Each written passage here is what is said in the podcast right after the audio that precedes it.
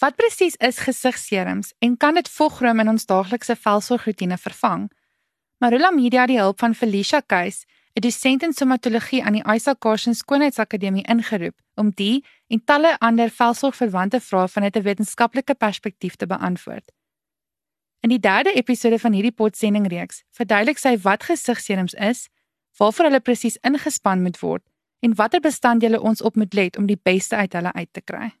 Felicia, wat presies is gesigserums? Dit voel of elke skoonheidshandelsmerk nou 'n reeks daarvan het. Is dit 'n nuwe ding of het ons hulle net nog nooit raak gesien nie? Right, so die maklikste manier vir my om te beskryf wat 'n serum is, dit is a highly concentrated solution with a very fine molecular structure for deeper penetration. Nee, so dis vir die diepste velpenetrasie.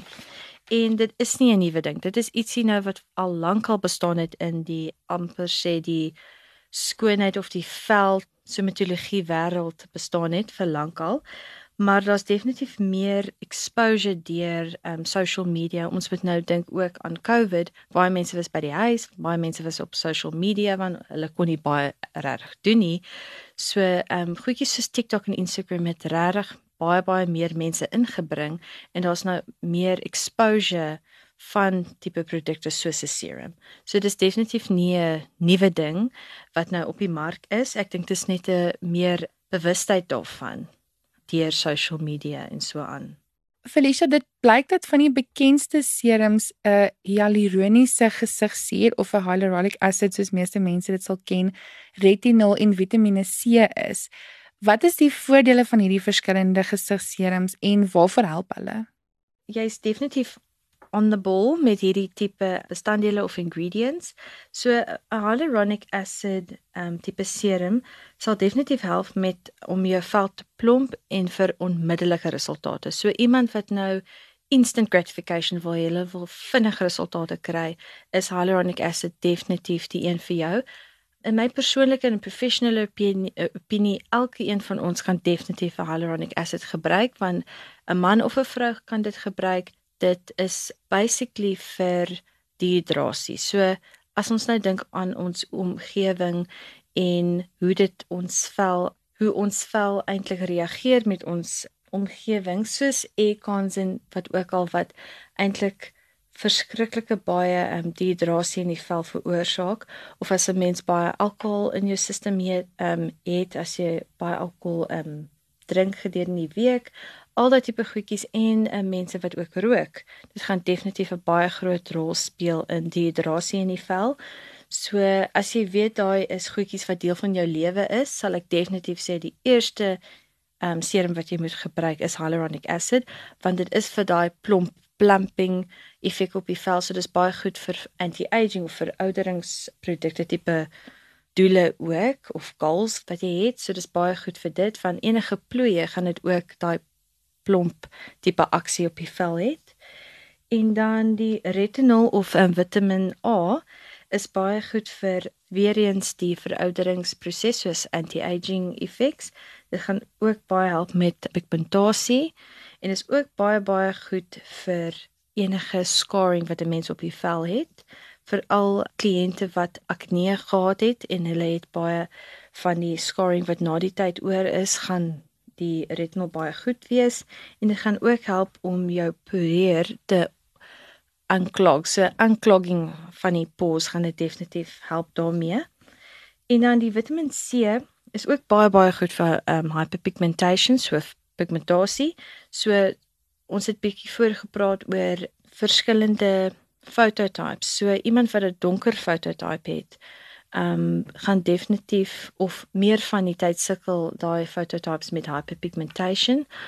Um, maar dit is nie net obviously daai kliënte, dit kan enige iemand wees. Dit kan ook 'n mamma wees wat nou haar kinders gehad het en nou slaan sy uit met hierdie hyperpigmentation en jy wil nou ietsie in jou gesig 'n uh, sorsroetine nou insit om te help, kan jy daai Vitamiin C ook doen. Dis baie baie goed vir ehm um, veroudering of 'n anti-aging tipe effek omdat dit kollageenproduksie verbeter in die vel En ons weet dit in jou elastisiteit, jou elasticity is die nommer 2 ingredients ek wil amper sê wat ons nodig het in ons klein recipe vir anti-aging. Jy moet baie baie collagen hê of kollageen en baie elastisiteit en jou Vitamiin C gaan daai formasie um en daai proses in die vel vinniger laat gaan. So daar's nou al hierdie verskillende gesigserums, maar kan mens hulle almal saam gebruik of is dit nie noodwendig nodig nie? Alraai, so hierdie een is weer eens wat wil jy hê van resultate? Ehm um, hoe lyk jou budget? Al daai tipe goedjies. Ehm um, jy kan definitief hulle saam gebruik omdat die molekulêre struktuur van die produk dieselfde is of hoe dit basies nou in die lab gemaak is en die delivery systems wat daarin is wat eintlik hierdie bestanddele of ingredients baie baie diep in die vel laat gaan. Dit is hoekom hulle so suksesvol is.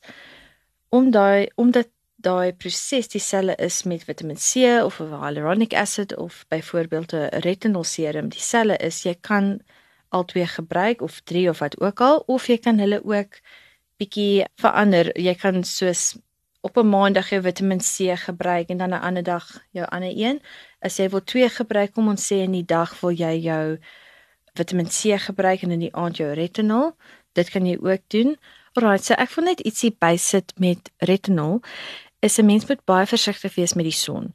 So obviously dit hang af wat die label of jou op jou produk sê. Ek kan nie nou almal met een almal in dieselfde boksie sit.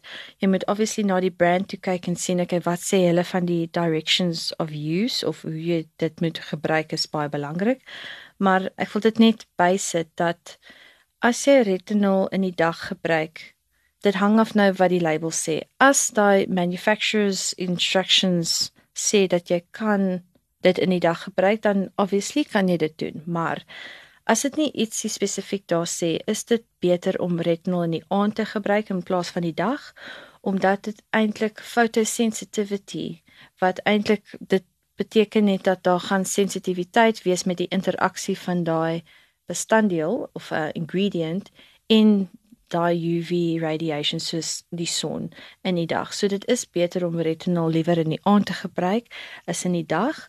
Maar soos ek sê, kyk altyd na jou labels. Ek kan nie sê elke liewe brand gaan dieselfde wees. Miskien het hulle 'n ander delivery system of 'n ander bestanddeel wat eintlik dit nie veroorsaak. So daar is paar wat verskillend is, maar dit is net ietsie in jou gedagtes te hou as as dit kom met retinol.